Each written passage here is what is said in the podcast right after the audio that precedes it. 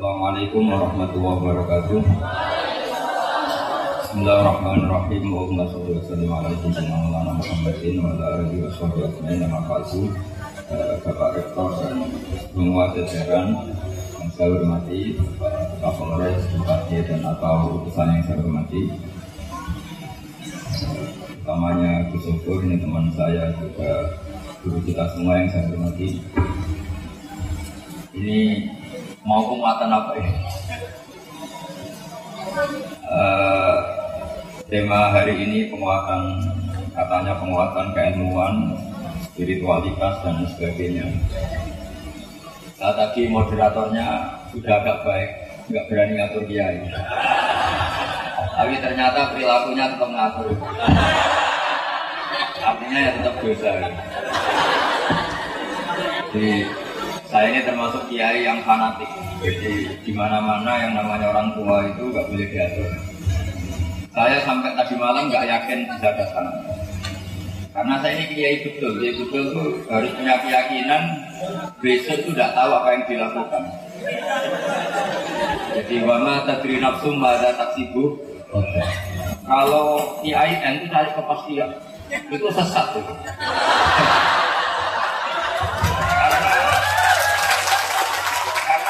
Manusia itu tidak tahu apa yang akan dilakukan. Jadi semoga ini tobat bareng-bareng. Jadi beda ilmunya kiai itu beda. Ilmunya kiai itu saya sampai sekarang itu acara apa pun seriusnya satu tetap gak mau janji. Karena saya pegang konstitusi wama tadri nafsum ada taksiku. Tapi manajemen modern mengharuskan kita ini dipaksa dipaksa agak-agak sekuler. Terus saya minta kepastiannya besok bisa datang enggak? Saya bilang saya ini kiai. Besok bisa saja saya mati ya. Karena ini kan eh, satu acara di mana kita harus jujur. Kalau di dunia kiai, apalagi di dunia wali, itu membayangkan besok bisa melakukan sesuatu itu bagian dari degradasi. Karena Nabi pesennya sholatlah kamu sebagaimana sholatnya orang yang berpamit. Jadi kalau sholat subuh bayangkan nggak sampai duhur, duhur nggak sampai asar, asar nggak sampai maghrib. Saya lama sekali daftar di dunia itu saya jiwai. Kemudian gara-gara yayan-yayan itu saya dipaksa agak mundur. Mundur jadi orang modern yang dimanage, diatur, dikenalkan dunia yang saya tidak tahu. Tapi ya itu tadi karena ini umatnya Rasulullah Shallallahu Alaihi Wasallam ini tak Saya pernah juga UGM itu sampai hari dua tidak satu sampai dua minggu tiga minggu saya nggak bilang nggak iya. Sampai saya di Jogja ditemuin terus pokoknya nanti setelah pulang dari UI tolong mampir ya karena karena di hari yang sama. Tapi kalau dengan bilang besok saya ada janji kan. Karena saya dari UI mampir isi di UGM. Setelah saya menerangkan seperti ini, yang mereka nerima. Kenapa mereka nerima? Begini rumus saya. Mereka kan sudah tahu ilmunya mereka, jadi mereka butuh ilmu saya. Kalau saya basa-basi, berarti saya menerangkan ilmu yang sudah dipunyai. Makanya saya cerita di sini jujur. Saya jujur nggak boleh cerita bahwa kepastian itu baik. Yang benar adalah ketidakpastian. Supaya jelas saya hidup ini kalau di dunia saya pernah bilang ke rektor UI begini Pak Kiai itu harus ada yang kayak saya. Kalau belajar agama seperti kampus itu kan orang mau tanya Bapak daftar dulu, registrasi dulu baru nyari fakultasnya. Setelah ketemu nyari dosennya. Itu kapan tahu Bapak Eh kalau sama Kiai kan enggak, saya sering ketemu orang di jalan. Gus mau tanya Tanya apa? Istri saya, anak saya ini head sudah 6 hari Januari, tapi sampai Februari sampai 10 hari? Maret sampai 10 hari, yang head yang mana? Ya yang 6 hari saja, yang lainnya ke istihadah, kembali ke mutakhir Langsung selesai itu nanti kalau semuanya model kampus daftar dulu, bayar dulu, dijadikan registrasi dulu. Jadi yang menguatkan agama itu sebenarnya kiai-kiai yang nggak jelas kayak saya. Gitu. Jadi waktunya bebas, tanyanya di mana saja. Kalau tanya Pak Kumedi, nanti temuin saya di kantor. Setelah ditemuin karena nggak bidangnya, siapa yang menangani ini? Cari dosen, dosen syariah. Siapa yang ahli fikih? Cari lagi. Jadi memang menurut saya, saya dengan Gus Zofur ini duet yang baik. Beliau sudah modern manajemennya. Saya akan tidak modern sampai mati ini sudah kita cita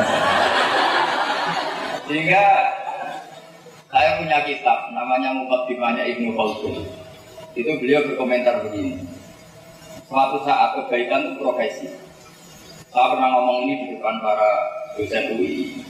Resikonya profesi begini, misalnya kalau tim SAR Jakarta datang ke Pekalongan, ada orang tenggelam, ini kan nggak wilayah saya, ya. karena tugasnya hanya di Lama-lama bagian kebakaran juga gitu, ada kebakaran di Pekalongan itu tidak tugas saya, saya kan tugasnya di Semarang. Nah bayangkan kalau agama seperti ini, dia di kampus dosen yang kakak, setelah pulang dia tidak berperilaku sebagai dosen pramugari senyum di pesawat, setelah di rumah nggak pernah senyum. Karena senyumnya profesi. Begitu juga kebaikan. Gitu. Kalau Indonesia semua begitu, maka kita kehilangan stok sekian kebaikan.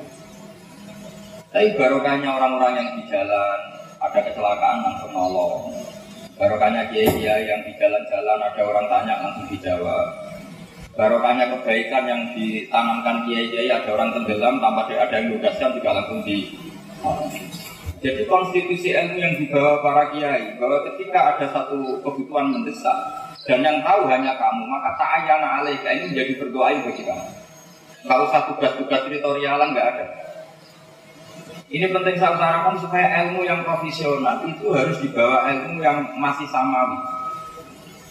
Kalau kita pakai teori-teori tugas ya tadi orang belajar agama harus daftar dulu, registrasi dulu, masuk fakultas apa baru dapat ilmu. Sementara kalau ke kiai langsung tanya, langsung dijawab. Tahu beberapa kali jawab pertanyaan itu di jalan. Makanya dalam dunia khazanah kiai itu harus berdampingan sama kampus, kampus juga harus berdampingan dengan kiai karena repot. Kalau ada orang sakit misalnya mendesak karena hari Setu tutup, Ahad tutup, Senin baru ditangani, bisa sudah mati kan ini. Makanya kalau dalam dunia kiai ada contoh ini, untuk mahasiswa mahasiswa. Ada orang mau masuk Islam, pamit seorang ustadz atau kiai. Pak, kiai saya ajarin syahadat. Kemudian kata kiai tadi, ngomong-ngomong gue pinarak ngeteh dulu, atau ngopi-ngopi dulu, atau apalagi bilang mandi dulu. Itu di murtad. Ini agak ekstrim memang. Itu kiai tadi itu dianggap murtad. Di murtad. Memang agak ekstrim. Alasannya ada pembiaran sekian menit dalam kekafiran yang kiai tadi bisa menghilangkan saat itu. Jadi kalau ngetehnya 10 menit, berarti ada satu kekafiran yang kiai ini terlibat karena pembiaran. Jadi kalau 10 menit tadi si kafir tadi mati, matinya masih berstatus kafir. Gara-gara pengeteh dulu. Jadi harus harus salam dan fauron. Karena dianggap Anal ibqa alal kufri kufrun. Dia dia kiai tadi dianggap terlibat dalam ibqa alal kufri. Jadi artinya begini, ilmu-ilmu seperti ini harus kita jaga. Itu ibarat ada orang kecelakaan di pinggir jalan, kita dalam posisi tidak ideal, misalnya pakai celana kolor atau celana pendek. Nah, tolong dulu salah pakai baju dulu, baru kamu tak selamatkan. Itu bahaya, nanti bisa kelindes truk lain. Nah, kekafiran itu lebih ekstrim ketimbang itu semua. Sehingga dalam fikih disebut harus fauron. Jadi kalau ada orang mau masuk Islam, itu harus diajari tauhid secara fauron, meskipun pakai bahasa Indonesia. Nah kalau seremonial di masjid nunggu undangan itu bukan sekedar salah, itu salah. Harus diselesaikan dulu. Karena kalau tidak kita selesaikan berarti kita membiarkan kekafiran dalam sekian menit atau sekian jam yang kita mampu menghilangkan saat itu juga. Jadi Artinya begini, dalam pengetahuan Islam juga sama. Kalau semua pendidikan itu modern, kemudian tidak ada kiai atau ustadz yang konten siap menjawab kebutuhan masyarakat tentang masa ilul akam atau masa ilul. Ini bahaya sekali kalau semua hubungannya ke profesional. Karena kita sering menemukan di masjid orang tanya caranya sholat yang benar, di bab haji, di bab zakat dan seterusnya dan seterusnya. Maka menurut saya penguatan di sini itu yang penting itu kerjasama. Saya tidak boleh misalnya ekor sama pentingnya punya kampus, kemudian saya bertradisi modern yang nggak boleh.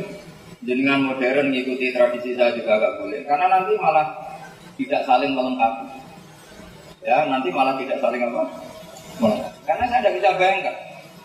Saya pernah ngomong itu di depan rektor, bahkan saya minta tolong supaya rektor sama dosen-dosen itu ngakui ngakui fungsi-fungsi yang tidak jelas tadi. Karena tadi bagian dari tidak jelas itu bentuk dari kejelasan.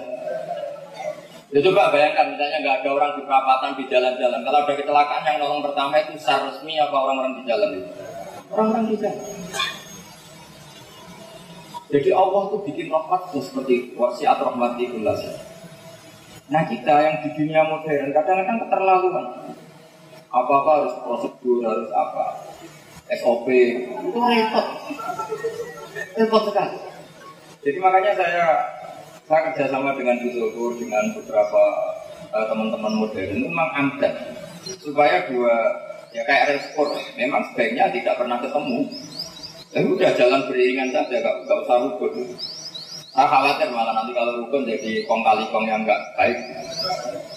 Saya sampai sekarang itu tiap bilang orang tetap bilang enggak nanti kalau kurang sehari saya dikasih tahu Wah ini panitia butuh kepastian sih. Ya itu salah kamu.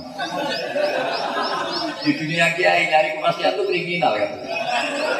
Karena manusia itu nggak pernah pasti. Karena kita tidak bisa miliki diri kita sendiri. Kita ini biadillah yang nangani kok. Terus tapi meskipun demikian tolong kasih kepastian. Ya ini aja kamu minta sama Allah karena tahu kepastian itu hanya Allah. Tak cari tauhid yang benar gitu. Tapi rata-rata tetap gak mau. Karena ya dosennya sudah nyuci otak ini supaya tauhidnya ala modern. Tapi saya juga gak mau dididik mereka. Ya itu kan ya tapi untungnya saya ini dididik bangun, dididik bapak saya orang itu isi rohul sotri. Jika saya legowo ketika kerjasama dengan kelompok lain dengan apa. Tapi saya tetap jaga konstitusi saya. Karena itu bahaya kalau semuanya ikut itu bahayanya tadi uh, saya berkali-kali ketemu masyarakat, kadang tanya di jalan Gus, uh, saya itu punya bapak kaya, tapi sudah lumpuh. Hajinya sekarang apa nunggu sudah mati? Ternyata setelah saya jawab itu bapak kamu makhluk, makhluk itu masih hidup tapi sudah lumpuh. Harus haji sekarang. Kalau nggak bisa, ya amanatnya sekarang jangan nunggu mati. Karena di Indonesia itu hanya populer haji amanat setelah meninggal. Jika kadang anaknya kurang ajar, kan kurang ajarnya, dan mati wes gus amanat yang murah itu juta. Di bang kaji urek tolong tolong juta. Ya kata juga. Tapi kita sebagai ulama itu menyarankan sebaiknya dimaklubkan. Maklub itu artinya dia diputuskan haji supaya ikut niat karena masih hidup. Kemudian yang melakukan orang lain. Tapi di Indonesia niaba, kaji niaba atau kaji amanat itu masih nunggu setelah meninggal. Nah kalau setelah meninggal itu mayat ini tidak dapat ganjaran sebetulnya. Karena kaji amanat itu hanya mengesahkan harta itu diwaris setelah menyelesaikan kewajiban-kewajibannya mayat. Eh, kalau dia masih hidup, artinya dia ikut kontribusi memutuskan dirinya haji. Hartanya dipakai haji. Ini kalau tidak ulama yang ngomong terus, itu repot. Itu kan jelas itu. Ada imro'atun min khosam, tanya, ya Rasulullah, Inna fa'idatawa ala ibadi ala ibadihi adrokat abi syekhon kabiran la yastati'u ayat buta ala rohilah kewajiban haji menemui bapak saya artinya ada ayat tentang wajibnya haji pas bapak saya sudah sepuh gak bisa naik kendaraan. Apa saya harus menghajikan beliau? Jawabannya Nabi, andikan bapak kamu punya hutang, apa setelah kamu bayar hutang itu lunas? Iya ya Rasulullah. Ya sudah bapak kamu hajikan saja. Jadi sebenarnya kaji amanat itu sebaiknya malah kalau pas masih hidup. Satu dia urun niat, dia berkontribusi ikut memutuskan. Tapi di Indonesia itu belum. Nunggu setelah apa? Nah itu harus ada ulama yang ngomong. Nah, itu contoh saja. Karena kalau ulama tidak yang ngomong, kampus itu hanya ngomong sesuai SKS-nya. Betul maksud saya gitu. Jadi nggak ngerti kebutuhan apa yang menjadikan orang harus masuk surga itu nggak ngerti. Tahunya pokoknya urusan saya. Nah ulama harus tetap seperti saya. Apa yang menjadi problem masyarakat tidak melakukan hukum-hukum Allah di diinventarisir gitu, terus diomongkan terus menerus supaya jadi nilai yang berlaku di masa itu bedanya kiai dan dosen. Kalau sama tanya baik mana, karena saya kiai tak jawab baik kiai. Jadi nggak apa-apa kalau kamu dosen jawab saja baik dosen nggak apa-apa. Kita beda beda pendapat apa-apa. Tapi saya mohon berlatihlah demikian supaya kita ini sehat. Jadi jangan sampai kemodernan kita memanage itu sampai melupakan asas-asas tadi. Saya ini kan lama di Jogja. Itu kebutuhan-kebutuhan spiritual. Karena tadi yang ngomong psikologi misalnya hanya dosen psikologi, yang ngomong ekonomi hanya dosen ekonomi. Padahal yang ekonomi ya butuh psikologi, yang psikologi juga butuh. Nah kalau kiai kan psikologi ya diomongkan, ekonomi ya meskipun nggak ada yang spesifik nggak masalah. Sementara ini menjadi pasar umum, bukan pasar bebas dari pasar pasar. Itu dulu Nabi zaman Sugeng itu kalau mengajarkan psikologi itu gampang sekali, mudah sekali. Jadi Nabi misalnya, ya Rasulullah, gara-gara saya perang dari jenengan, saya ini tangan saya putus, kaki saya luka, semua tubuh saya luka. Jawabannya Nabi sederhana. Orang-orang kafir itu yang bela-belain Tauhid, bela-belain Lata Uzza juga sakit. Itu saja berani. Masa kamu demi Allah tidak berani? Jadi jawabannya itu ya ringan saja. Yang saskum korkum fakul masal korkum itu. Jika kamu luka karena perang demi Allah, mereka juga luka perang, padahal mereka demi tauhid. Bagian ayat disebut watarju namin Allah Jadi intakun ta'lamun fa innahum ya'lamun kama ta'lamun wa tarjuna namin Allah malah Kalau kamu sakit karena menempuh pendidikan, orang-orang di luar kita juga sakit. Oh kita punya kelebihan watar guna minallah malah ya. Kamu punya harapan, sementara mereka tidak punya harapan. Saya pernah ditemuin seorang sosiologi, Gus pondok-pondok itu kok kayak otoriter, karena kiai itu posisinya kayak raja. Semua santri melayani gini-gini. Oh itu menurut saya otoriter. Terus dokter sosiologi ini tak suruh. Coba kamu kali-kali lihat film Cina. Film Cina itu ketua geng itu ngalang-ngalang kiai. Rokok ada yang bawa kak. Nyumet rokok ya belum, ada yang nyumet loh. Kenapa itu udah kamu kritik? Setelah lihat film itu bilang, tak betul dasar rabakat soleh, nang kritik kiai seneng kritik geng Kino nggak pernah kata saya. Terus dia akhirnya dia sebenarnya mau bikin disertasi tentang uh, perilaku kiai. Dia ngeritik dunia kiai itu otoriter, terus semua ingin dilayani ini. Saya bilang kami itu tidak pengen lihat film Cina dulu. Setelah lihat film Cina, ternyata geng-gengnya itu juga dilayani sedemikian lebih. Akhirnya, iya bisa. Ngeri Cina di Bank Indonesia. Artinya apa? Kadang-kadang karena dia itu figur menarik, terus diteliti karena sebagai figur menarik.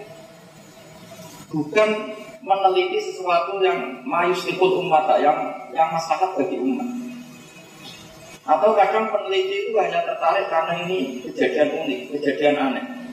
Nah, ini saran saya sama IAIN Pekalongan. Kalau agama tidak begitu cara berpikir, telitilah sesuatu sing yustiful umat yang bisa masyarakat untuk umat. Jangan tertarik karena ini kasus spesifik atau aneh atau diabaikan terus kita teliti.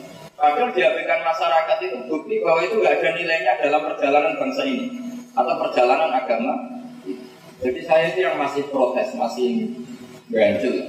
Kenapa kita masih suka meneliti kasus-kasus yang unik? Itu nggak boleh kalau dalam agama. Agama itu cara berpikir al-aham. Yang prioritas penting prioritaskan, yang prioritas penting diprioritaskan. Jangan meneliti yang tidak penting.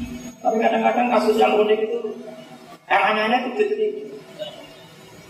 Ya kayak kasus itu orang meneliti milkul yang perang nggak apa orang meneliti milkul yang itu meneliti apa ingin punya nggak tahu.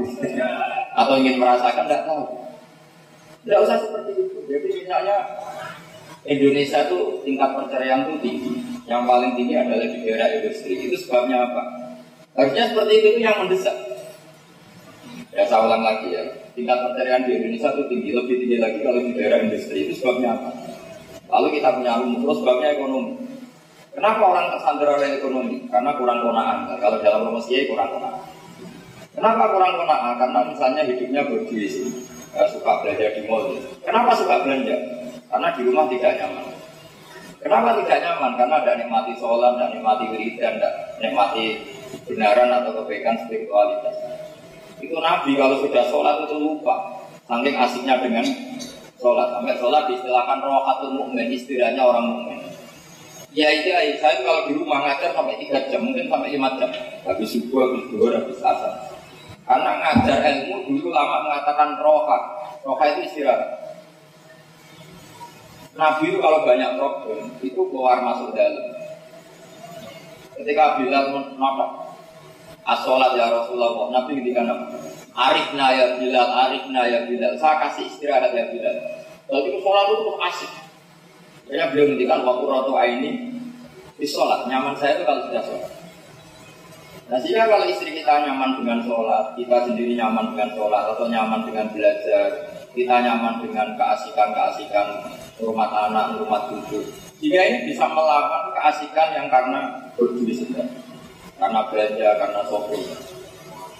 Jadi makanya agama ini mengajarkan apa? Senang. Kul bifadlillah bi rahmati fa bidzalika falyafrahu. Alam nasrah laka sadra. Karena dengan senang dengan kebaikan ini insya Allah kita tidak tersandra harus senang dengan sesuatu yang maksiat. Harus senang dengan sesuatu yang berbiaya karena kita sudah asik dengan diri. Memang resiko kiai kayak saya itu kalau tidak suka diundang orang karena kalau saya di rumah itu sudah asik. Itu ya agak resiko bagi anda ini agak resiko bagi saya. Karena memang saya itu sudah asik. Kalau di rumah yang tolak rumah ibu, rumah anak-anak, senang sekali. Jadi makanya saya mohon, semohon-mohonnya, kalau IAIN ini jadi solusi bagi bangsa ini, bagi agama ini, nyari sesuatu yang halul masyarakat ya, kalau dalam agama yang bisa solusi bagi sekian problem. Jangan menuruti aturan-aturan dalam penelitian yang berdasar unik, kasus unik, spesifik. Tapi ya ini kadang-kadang nggak dibutuhkan mereka. Kadang-kadang kita teliti itu tidak memang istitul umat, tidak sesuatu yang untuk istitul umat.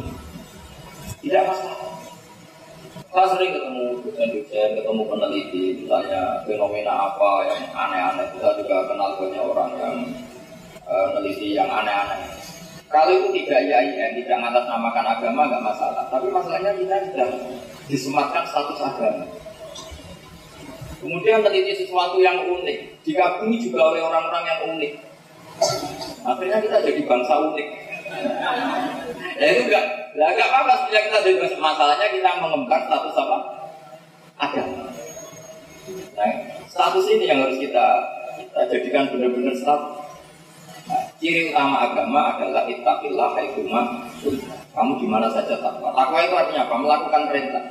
Jika kalau kita guru ya guru sebagai status hidup di kampus ya statusnya guru, di rumah ya guru, ketemu masyarakat juga kita guru. Jangan di kampus guru, setelah di rumah ada tetangganya tanya, Pak dosen saya tanya, saya punya problem gini. Kalau tanya di kampus, daftar dulu. Wah repot. Kita misalnya pramugari senyum, setelah di rumah duduk. Kalau ingin melihat saya senyum, naik pesawat dulu. Pas di sana saya ramah. Itu yang ditakutkan Ibnu Khaldun. Suatu saat kebaikan itu profesi. Makanya Ibnu Khaldun andikan hidup zaman sekarang banyak pengelola yatim piatu yang oknum ya tentu tidak semua tapi banyak. Terus ada hadis ana wa kafirul yatim kahateni jannah. Sekarang pengelola yayasan yatim piatu yang untung dari situ dan pekerjaannya di situ. Yang sebetulnya mentalnya bukan syafaqah, bukan mental tarbiyatul yatim atau profil yatim, Nggak tahu maknanya hadis itu gimana. Bahkan sebagian memang itu dijadikan profesi. Nah kita ingin kebaikan itu status bukan apa? Profesi. Makanya kata Ibu Khaldun suatu saat kebenaran itu sina profesi bukan apa? Makanya saya mohon sama dosen sama semuanya lah. Kalau anda dosen itu bukan profesi sebagai dosen, tapi statusnya memang dosen pengajar. Jika di kampus IAIN yang ngajar, nanti di desa-desa tertinggal juga sebagai pengajar. Jika banyak muncul desa-desa binaan yang terinspirasi oleh dosen-dosen IAIN. Kita sebagai kiai gitu, saya tuh punya pondok banyak, termasuk di Sragen lalu. Karena saya ini sudah merasa saya kayak kiai besar, di mana-mana dihormatin. Jangan-jangan saya kiai karena dihormatin.